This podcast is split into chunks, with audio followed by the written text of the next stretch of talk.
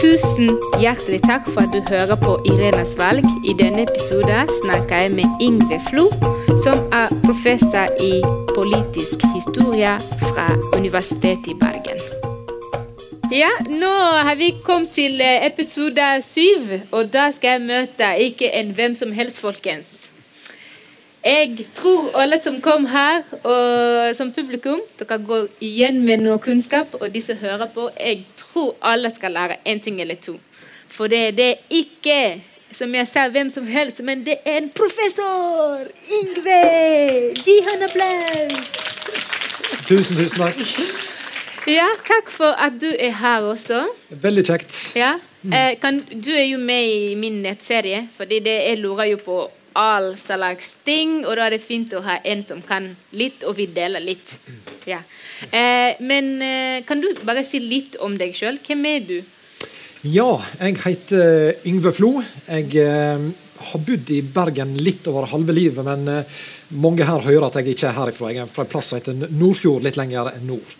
Og Jeg har vært her i Bergen siden jeg var student, og så har jeg vært forsker. Og så har jeg begynt å arbeide på universitetet og undervise. Og altså professor i historie, og jeg jobber med politikk. Ja. Mm, da er du på riktig sted. Mm. Ja. ja. Eh, jeg har fortsatt masse spørsmål, og det går eh, på historie, egentlig. Ja. Eh, jeg er nysgjerrig på alle de partiene, hvor de kommer fra. Ja. ja. Hvordan Kan du fortelle veien egentlig først fra å gå fra kongen med masse makt til et demokrati? Hva skjedde? Ja, um, jeg spør om du var der. ja, ja, ja, jeg var jo der litt. jeg er jo ganske gammel, jeg er jo noen år eldre enn det du er. Så jeg har jo stort sett vært med siden 1800-tallet. Eh, og det var jo da det skjedde, dette her. Eh, vi, vi, hadde jo et demokrati, eller et slags demokrati allerede fra vi fikk en grunnlov for litt over 200 år siden. Men vi hadde jo ikke noen parti fra starten. Ikke noe ekte parti. Og, og, faktisk var det sånn i norsk politikk at det var litt sånn her tabu. Det var, det var ikke lov å drive og organisere seg eh, for politikk. Og du skulle heller ikke drive valgkamp. Det òg var litt sånn fy-fy. Så det skulle du ikke drive på med. Men så ble det jo i løpet av 1800-tallet så ble det jo sånn interessemotsetninger. Eh, som bl.a.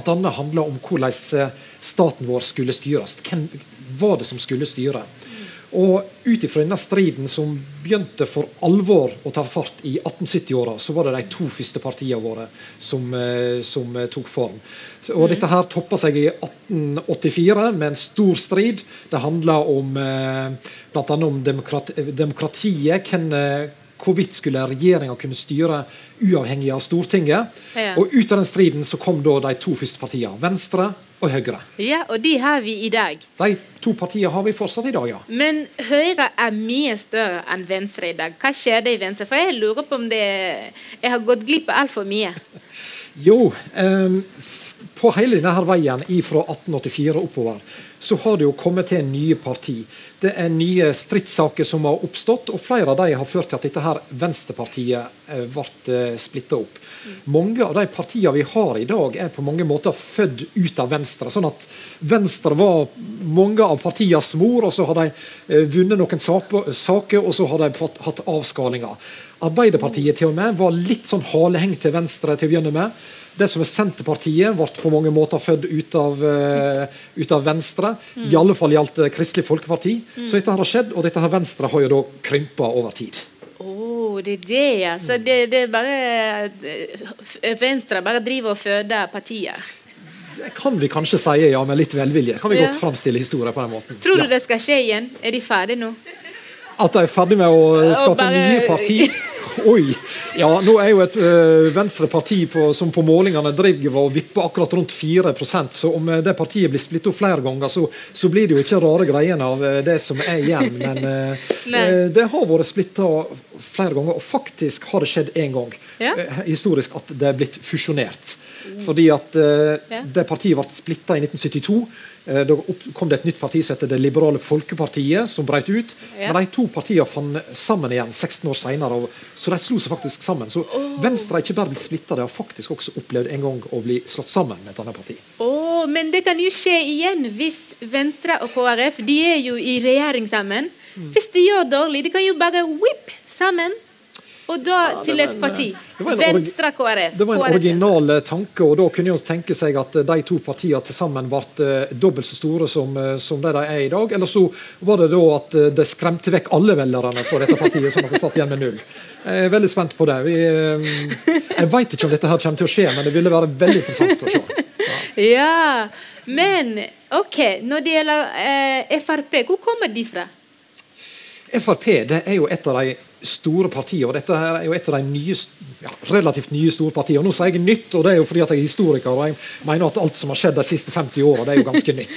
Ja. Men eh, Frp, det partiet, er jo nesten 50 år gammelt. Det er jo nesten for å si det sånn, som det er. Det, må, eh, helt alvorlig, det er jo nesten like gammelt som jeg er sjøl. Yeah. Så dette her var et parti som starta litt sånn her eh, rart i, i begynnelsen av 1970-åra. Da var det store konfrontasjoner, da var det den store striden. Skulle Norge bli medlem av den den gang kalte EEC eller EF? Og det er det vi i dag kaller for EU, Den europeiske unionen. Og Dette her var en stor strid som splitta mange partier, og gjorde at velgerne, som før var sånn at ok, de holdt seg trufast til det partiet de alltid hadde stemt på, og så kanskje mor deres og far deres hadde stemt på, plutselig ble de heimløse, så de begynte liksom å, å på vandring. Akkurat i denne røra her var det jo at dette her oppstår, dette partiet, som heter da Anders Langes parti for nedsettelse av skatter og avgifter, eller et eller annet sånt. Det, det, var et langt eh, parti, men Anders Langes parti Ja. hette det. Det var en person, han her Anders Lange, Ja. som var en karismatisk person. Han jobba med hunder. Ja. Hadde ei egen avis som heter Hundeavisa. Så Anders Lange, altså. ja. Veldig interessant. Ja, så hadde han da et stort møte i en kino i Oslo som, der han langa ut mot velferdsstaten og alle de andre partiene, og folk applauderte og var så begeistra. Dette partiet det samla jo da rundt regna 5% av velgerne da, nesten over, over natta da framfor stortingsvalget i 1973. Ja. Og Der var det partiet født. ja. Han eh, skulle si Anders den lange, men Ja. det er jo Anders Lange. Ja.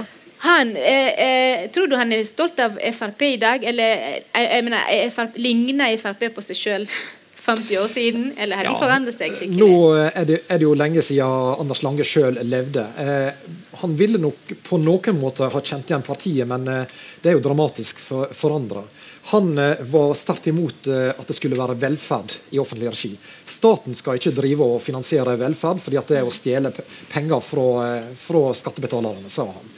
Eh, de siste 30 åra har jo Frp vært et parti som har vært veldig for velferd, og faktisk også til dels eh, profilert seg som det partiet som hadde den mest velf si, forpliktende velferdspolitikken av alle.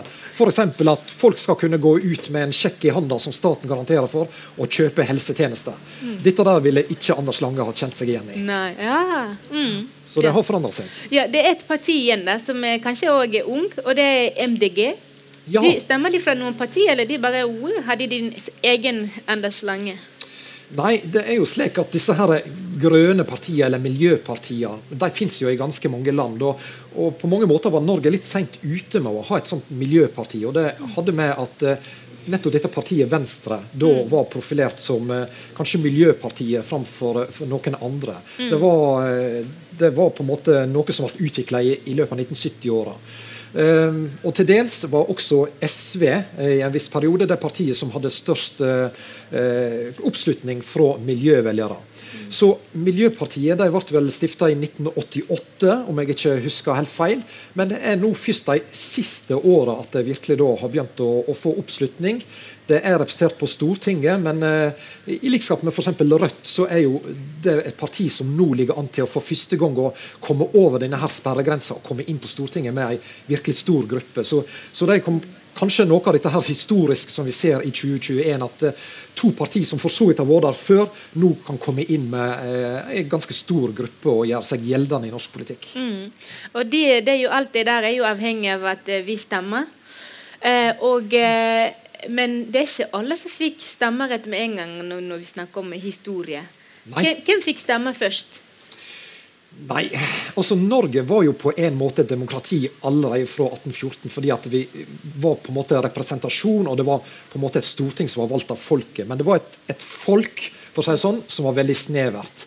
For å si det enkelt, så var det for det første var de bare menn. For det andre så var det da de som da på en måte hadde eiendom eller viss formue, eller var på en måte hadde økonomisk styrke. Og var på en måte økonomisk ansvarlig, som han sa, sa det. Eller så var det de som hadde stillinger i staten. Mm. Og Dette her var jo da utgangspunktet. og Går vi tilbake til 1814, så var Norge et veldig demokratisk land. For så, så, vi, så vi rundt oss i verden da, så var jo det knapt noe land som hadde noe i nærheten av Norge. Norge var langt, langt, langt det mest demokratiske landet i, i Norden. Og det, denne her uh, eh, stillinga som et slags foregangsland demokratisk, det holdt det på ganske lenge. Men så vokste befolkninga, og faktisk var det sånn at Norge ble mindre demokratisk over tid. Fordi at de som hadde denne stemmeretten, de ble færre og færre. Mm. Så på en måte denne her virkelig demokratiseringa, at folk kom inn i det politiske systemet og fikk velge, det var jo produkt av denne her politiske kampen som virkelig skjøt fart i 1870-åra og inngangen til 1880-åra. Med dette her partiet Venstre i front. Og da var det sånn at det var en periode da, over noen få tiår der folk kom inn litt sånn litt etter litt. En utvida. Og da var det sånn at uh, mennene, kan si de andre mennene, kom inn, kom inn først. Og så kom de formuende kvinnene. De kvinnene som på en måte hadde, hadde økonomiske muskler, de kom inn dernest. Okay. Og så var på en måte de siste da i, i 1913 da, 1910 til 1913 så kom også kvinnene med, med full allmenn stemmerett. Så, ja. så, kvinnene kom sist, men det er viktig å huske på at uh, det var ikke bare kvinnene som var ekskluderte. Nei. Det var også de aller fleste mennene. Mine uh, Tippoldemødre hadde ikke stemmerett, men det hadde heller ikke mine tippoldefedre. Ja. Men hva var argumentet for at for eksempel, de ikke hadde stemmerett, og at de andre kvinnene ikke skulle ha stemmerett? Det var ulike typer argument. og Det var jo eh, noen som mente at kvinnene ikke hadde det som skulle til eh, kan si, til, til, dels at uh, en ikke evna å være politiske borgere. Uh, så en ikke hadde det intellektuelle. Men, men, det var på en måte et argument som allerede var litt vekk, på, på, vei ut. Mm. Eh, et annet argument var jo at kvinnene var på en måte hjørnesteinen i familien. De skulle være forskåna for mm. å være eh, At det ville, ville, nærmest være et eh, overgrep mot disse kvinnene da, om de skal måtte begynne å stemme og sette seg opp mot sin mann. Oh. Det hadde ikke vært noe særlig. Det er jo krise. Ja, Så var det òg den typen eh, argument om at ja, nei, stemmerettet henger i hop med ansvarlighet. Eh, kvinnene de var fortsatt eh, da tjente ikke så mye. De var utenfor arbeidslivet stort sett. Og Hvordan skal det nå gå hvis det kommer disse her, alle disse her velgerne som da egentlig ikke skatter noe særlig, og skal begynne å bestemme over vår felles, eh, vår felles formue? Mm. Nei, dette her vil gå ad unna. Så det var den typen argument. Så når vi er inn på 1900-tallet, så var det få Det var ikke det argumentet nødvendigvis at kvinnene ikke hadde Eh, det som skulle til i topplokket for å stemme. Men det var andre typer argument som var framtredende. Ja. Eh, takk og lov vi har kommet lenger enn det. Heldigvis, heldigvis. Ja. vi har ikke bare stemmerett, men vi kan også engasjere oss i politikk. Jeg mm. har møtt så mange kvinner som vil inn på Stortinget, og det er bare helt uh, utrolig og imponerende. Eh, men vet du hvordan det fungerer med nominasjon til Stortinget? Ja, ja? Eh, det vet jeg. Må, må, må folk i partiet like deg, liksom? Ja, og det er jo kanskje noe av litt dilemmaet her. At, eh, at det, hvem som helst skal jo kunne, kunne, eh, stille til valg her i landet, så lenge en er myndig og at det ikke er et eller annet helt spesielt som hindrer deg i, i å gjøre det. Men du må nok gå denne her partiveien. og Det er jo kanskje ikke alle som da er komfortable med å delta i et parti og kjenne seg hjemme i et parti. Så det er vi som bestemmer, og vi, det er vi som går ut og stemmer på Høyre og Rødt og Senterpartiet og Kristelig Folkeparti og alle de andre. Men så sitter det da noen, eh, og de er ikke så forferdelig mange tusen her i landet under ett, og bestemmer hvordan disse her listene skal se ut. Hvem er det som skal være på plass nummer én og på plass nummer to osv. Så, videre. så det er et veldig lite persongalleri som partiene har vært med på å blinke ut. Og vi som velgere vi er litt prisjevne dette her. Vi får bestemme oss for parti, men vi har en, en bestemt meny som partiet har bestemt på forhånd. Mm, ok, da vet jeg det fordi hvis du kan huske en gang så fortalte du meg at eh, man måtte ikke være født her for å bli statsminister. Mm. Vet du hva som skjedde etterpå? Nei. Jeg gikk og trodde at å, da kan jeg bli statsminister. Ja, det, det, kan du formelt sett. Det kan du. Det er ikke I USA, så, i, i USA så er det sånn at for å bli president så må du faktisk ha vært født i USA, men i Norge kan du bli statsminister uten å være født, født her i landet. Så uh, formelt sett er det ingenting i, ingenting i, veien for at du kan bli statsminister. Nei, for det som skjedde da, etter du fortalte meg det, jeg møtte noen venner av meg jeg sa til dem, vet du hva, det er en mann som heter Ingve, han sa man måtte ikke være født her for å bli statsminister. Vet du hva det betyr? Jeg kan bli statsminister. Hadde dere stemt på meg, sa jeg. Og bare, eh, noen bare ja, ja, jeg stemmer på deg med en gang. Mens andre de nei, vi må jo vite hva du står for. og sånt jeg syns faktisk at det var en veldig god innvending. Jeg syns det er lurt å, at jeg har en liten aning om hva du står for, før jeg stemmer på deg. Ja, Men det som skjedde da, jeg tenkte det var ikke noe med mine venner. Jeg har i hvert fall noen venner som skal stemme på meg. Jeg syns det var bra nok. Og de andre må jeg overbevise. Det som du sier, det er godt nok argument. Så alle politikere som jeg møter i denne serien, Irenas valg, jeg spurte de, kan jeg bli statsminister gjennom ditt parti. Vet du hva alle sa?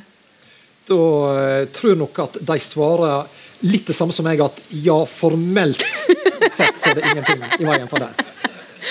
Vet du hva? De sa ja, selvfølgelig du kan bli statsminister. Ja. Ja. Og jeg tenkte er det sant? Og så eh, Nei, det var, ikke, det var, en som sa jeg ikke kunne bli statsminister. Mm. Og det var faktisk Jeg skal si navnet hennes. Mm. Det er Lubna. Ja, Lubna Jeffrey, som da yes. eh, Eh, representerer Arbeiderpartiet. Eh, er akkurat nå er ledende stille i Bergen kommune som, uh, som by, byrådsleder, og som da har pakistansk bakgrunn sjøl. Ja, hun sa det til meg, at, og jeg satt sammen med en ansatt, Camilla fra SV. Hun sa at det, jeg kan ikke bli statsminister, og det kan hun heller ikke. Og Camilla kan ikke. Men vi kan bane veien for at noen andre blir statsminister. Ja. ja. og Da tenker du på dette her at, at det er et avgjørende hinder at en er født og oppvokst i et annet land og har den bakgrunnen, og at det i seg selv representerer et hinder, enten for at partiene slipper deg fram, eller for at velgerne vil ha deg. Det er det, mm. det, er det du tenker på da? Ja. Ja. Mm.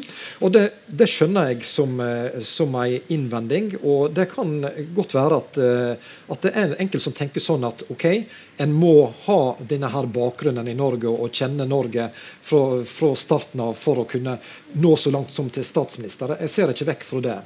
Samtidig må vi jo, eh, må jo tenke på at holdninger kan endre seg, og de kan endre, endre seg ganske fort. Hvis vi går tilbake til 1970-åra. Eh, 8. mars, du vet hva den dagen er for noe? Ja, det er min dag og andre sine dager. Mm, ja, det er kvinnedagen. Og da var det noen som organiserte 8. 8. mars-tog, eh, som tenkte at nå skal vi ha en parole, parole. Vi vil ha ei kvinne som statsminister. Og dette her var i 1970-åra. Yeah. Og da møtte de voldsom kritikk. Hvordan i alle dager kan vi gå, ut, kan vi, kan vi gå og, og skjemme oss ut med en sånn parole? Det er så urealistisk. Vi må kvitte oss med dette der. For kan ei kvinne virkelig være statsminister? Og Dette her var i 1970-åra. Det var for mange utenkelig at det kunne skje. Og så når vi 1981, og da er Gro Harlem Brundtland som kvinnelig statsminister for første gang. Eh, rett nok bare en kort periode da, men hun kommer tilbake og er norsk statsminister i en årrekke. Og nå har vi jo hatt kvinnelig statsminister igjen i åtte år. Dette her viser jo at holdninger kan skje. og Det kan godt være at det er eh, mekanismer i det norske samfunnet i dag som gjør at eh, utenlandskfødte ikke kan nå fram til de aller fremste politiske institusjonene. Men det er jo folk med minoritetsbakgrunn som eh, er statsråder. Mm. og eh, det har skjedd merk eh, merkeligere ting i Norge før enn at uh, holdninga endrer seg såpass at vi også kan slippe fram statsministre som er, er, litt annerledes enn det vi har vært vant med tidligere. Mm. Kanskje noen år fram i tid. Ja, det tenkte jeg på. Fordi jeg tenkte hvis jeg hadde gått inn Nå er jeg 30. 31. Hvis jeg går ti år for å bevise i et parti at jo, dere må like meg, sette meg opp på nummer én Kanskje du skal la være å si yo, men bortsett fra det, følger jeg med. Ja. Ja, da må jeg slutte å si ja, og prøve må jeg si hei sann, kan dere Hei sann, ja. den er fin. Den er fin. Hei sann, eh, kan dere like meg, sette meg på nummer én? Så gjør de det. Jeg bruker ti år på det. sant? Ja. Ti år. Mm. Og så ti år må jeg si Nei, jeg kan ikke si hei sann til nordmenn, da, for jeg tenkte jeg må jo bruke kanskje ti år på å overbevise nordmenn at jeg, jeg er bra. Da må jeg si halla igjen. Halla igjen. Mm. Den er enda bedre, ja. Men den funker ikke like godt utenfor Bergen. Bare advarer deg der. Nei, men jeg tenkte ti år å overbevise et parti at jeg er bra, og ti år på å overbevise nordmenn. Da er jeg 50 år og jeg kan bli statsminister i ti år og ha sånn Nei, det, må, det må være fire år. OK, fire år er ok. Ja. Da er jeg statsminister i fire år. Ja, Du sikter deg inn mot stortingsvalget i 2041? med ja. Mm, ja, det men langtidsplanlegging, det Men for at dette kan skje, så må jeg synes noen må skje. Kanskje en som er født her og annerledes. Mm før en person som meg, som har fysisk vandret, kan bli statsminister. Og da tenkte jeg på Arbeiderpartiet. De har jo neste leder som eh, har innvandrerbakgrunn. Uh, så jeg tenkte hvis de vinner valget, sant? og så eh, blir han som er Hva heter han som er sjefen for Arbeiderpartiet? Støre. Jonas Gahr Støre, ja. ja. Jonas. Hvis han hadde f.eks. hørt på Einar Solberg og plutselig gått og født et barn, fordi Norge trenger flere barn, da må han ut i pappapermisjon. Da kan hun bli statsminister. Nettopp. altså, Du krever en del av Jonas nå, altså. Det, det, det bare sier jeg. Ja, men vi må jo kreve litt men, fra han, da. Ja, nettopp. Norge trenger flere barn, og jeg syns at Einar Solberg kan hjelpe meg her. Forteller han. Han føder, går ut i permisjon. Og så blir hun statsminister. Da blir det lettere for meg framover. Ja da. For da må hun gjøre en bra jobb. da, så. Nei da, men eh, jeg, jeg, er fullt med på det allmenne poenget ditt. At eh, ofte er det sånn at en, eh, det er enkelte barrierer som må brytes. Noen må være den første. Noen, det var en gang ei som var den første kvinna på Stortinget. Det var alltid den første for alt mulig. Det var den første mann på månen. Ja. Det, altså, vi, noen må være pionerer. Og kanskje er det også sånn i politikken at en må ta det i stor Eh, i, i, små steg. Kanskje, som du antyder her, er det det at eh, kan si andre, eller eh, de som på en måte er andregenerasjons innvandrere. Mm. At de på en måte virkelig må slå, slå, rot i politikken først. For også de som har innvandra direkte og gjør seg gjeldende, mm. også kan komme direkte inn i politikken. Mm. Det kan være at du har rett i det. Ja, ja det, jeg, håper det, jeg håper det, og jeg liker å ha rett. Men eh, vi, eh, vi, kan jo ta et veddemål om dette. her, altså Så avgjør vi dette her i 2041. Ja, ja. vi gjør det. Mm. Men da må jeg forstå kanskje litt mer politikk. da, fordi det som jeg ikke skjønner av, av politikk sånn, Jeg syns ting tar veldig lang tid. Byråkratiet. De, de, sier de skal gjøre noe, sånn som mm. Bybanen. Det brukte liksom 100 år før det skjedde. Så jeg lurer, Hva gjør politikere egentlig? Drikker de bare kaffe og chiller med hverandre? og jeg tror nok at eh, politikere òg kan eh, chille litt. Og, eh, og, sånn er det. og jeg skjønner dette her du sier, at av og til av og til kunne vært litt herlig og tenkt seg hatt en, eller annen sånn, en sterk mann eller en sterk kvinne som på en måte kunne skjære gjennom og heve seg over eh, alle sånne her innvendinger. Disse her som Nei, her skal en bygge trasé, og så plutselig er det ei våtmark som da, eh, som da blir ødelagt. Alle mulige disse her innvendinger. I et diktatur så hadde ting vært mye enklere, og vi kunne nå raskere frem til løsninger. Mm. Og demokratiet er litt sånn at vi må lytte på flere, og alle motforestillinger skal på bordet. Og dette her kan være ufattelig frustrerende. og Det kan gå mm. utrolig treigt. Og det er òg med ser ikke vekk fra det at det kan virke litt sånn undergravende for tilliten til systemet.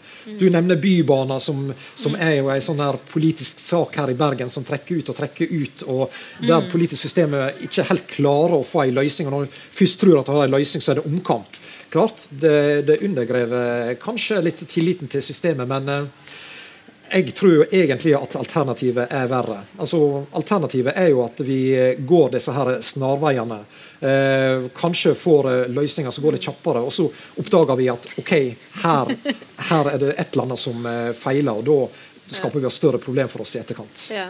Jeg tror mange hadde vært enig med deg i det du sier. og derfor jeg vil jeg vil virkelig gjerne motivere flere til å bruke sin stemmerett. Derfor jeg eh, har laget en nettserie og dette her eh, podkast. Um, men hvis du kunne gi råd til en som skal stemme for første gang, ja. hva kan du si til dem? Da vil jeg si til vedkommende at, eh, at det, det, er kanskje en del at det er lett å være forvirra. Og jeg skjønner at det er lett å være forvirra. Vi har en meny med ja, ni partier som er realistiske få på Stortinget. Og vi har like mange partier som finnes som, som eh, har små sjanser å komme på Stortinget. Ikke alltid like enkelt å vite forskjeller på disse partiene. Og, sånn. og så tenker du gjerne oi, jeg må kunne alt dette her for å, for å virkelig kunne stemme. Og nå skal jo ikke jeg være den som sier at nei, du kan bare gå og stemme. Du trenger ikke sette deg inn i noe som helst. Det viktigste er at du går og stemmer. Jeg mener ikke det. det. det. skal ikke være sånn at du kommer til et valglokale, og så er det rein bingo at du bare plukker en uh, stemmeseddel. Uh, du må gjøre en liten innsats. Uh, og jeg syns det er veldig fortjenestefullt det du gjør. Snakke med politikere og intervjue dem. Det kan ikke de vanlige velgerne gjøre. Men en liten innsats. Jeg tror de aller fleste med litt innsats kan iallfall klare å plukke ut to-tre partier som de oppfatter ok, her en plass finner jeg et eller annet som, eh, som, eh, som, jeg kan like. Og så er det lov å si at ok, du kan velge på et parti selv om du ikke har finlest partiprogrammet deres. Du kan uh, si at det er én sak som du brenner spesielt for, for, og at den er avgjørende. Det er lov å tenke at det er en politiker som jeg har spesielt tillit til, fordi at vedkommende snakker sånn som jeg forstår. Det er òg lov å tenke at ok, jeg har noen venner, og de har tenkt å gjøre sånn og sånn. Jeg har ganske høy uh, tillit til dem, og kanskje skal jeg la meg overbevise av deres resonnement. Du må ikke kunne alt. Uh, fordi at det fantastiske med demokrati og det å stemme, det er jo at du blir klokere i etterkant. Det er jo ikke bare nå med valget i 2021 en skal gå og stemme for første gang. Du skal jo stemme ved nye stortingsvalg i 2025 og 2029 og 2033 og utover. Og, og lokalvalg i, i mellomtida. Og du blir ja. klokere og klokere. Og nettopp ved å gå og stemme nå i denne omgang, så OK, nå har jeg investert min stemme på dette partiet her. Og kanskje tenker du at ja, det viste seg jeg gjorde rett, fordi at de gjør virkelig jobben sin. Eller så nei, da tabber jeg meg ut. Men da får du en ny sjanse. Da kan du kanskje gå til et av de andre partiene du blinker deg ut, og prøve det neste gang. Så tenk ikke det at du må kunne alt før du stemmer. Du må kunne litt, men så blir du klokere etterkant. Mm. Ja, jeg syns det var kjempefint sagt. Og jeg vil dermed takke deg for at uh, du kom uh, og fortalte dette. Du får dessverre ikke en sang, for du skal ikke på Stortinget. uh, du har jo fått vann, til og med. Ja, tusen, tusen takk. jeg syns det er bra. men ja, du skal jo stemme uansett, og jeg håper at det er utfordring. Du får en utfordring. Ja. At når du skal gå og stemme, at du tar med deg Du inviterer en. Ja. Hvem som helst. Fra familie, jobb eller mm. En som du kjenner. Bare ikke gå og stem alene. Er det noe du kan gjøre for meg og Norge? Klarer du det? Ja, altså Tenker du på at jeg skal ta med meg en person som ja. ellers ikke ville ha gått og stemt? Nei, du vet aldri. Bare ta med deg en person. Kanskje de kunne stemt, kanskje ikke, men bare invitere en person. som Ja, men Det tror jeg skal gjøre. Enten, ja. uh, og jeg syns jo det er veldig stas å stemme akkurat på valgdagen. Samtidig så, så er det jo tryggest å gå og forhåndsstemme. Så det kan godt hende at jeg gjør det. Og kan godt hende at jeg tar med meg eh, en kollega eller familiemedlem eller en venn. eller noe sånt. Det skal jeg eh, legge meg på minnet. Men når du sier jeg, jeg, jeg kan godt hende, betyr det at du, du, vurderer det? For det vil at du skal si ja, jeg skal. Ja, men da sier jeg yes, I can. Jeg skal Yay! gjøre det. Jeg håper at uh, ja, til og med publikum skal ta med seg noen når de skal stemme. Og jeg skal gjøre det samme. Uh, tusen takk til alle som uh, lytter på podkasten, og publikum. Tusen hjertelig takk. Og takk til deg.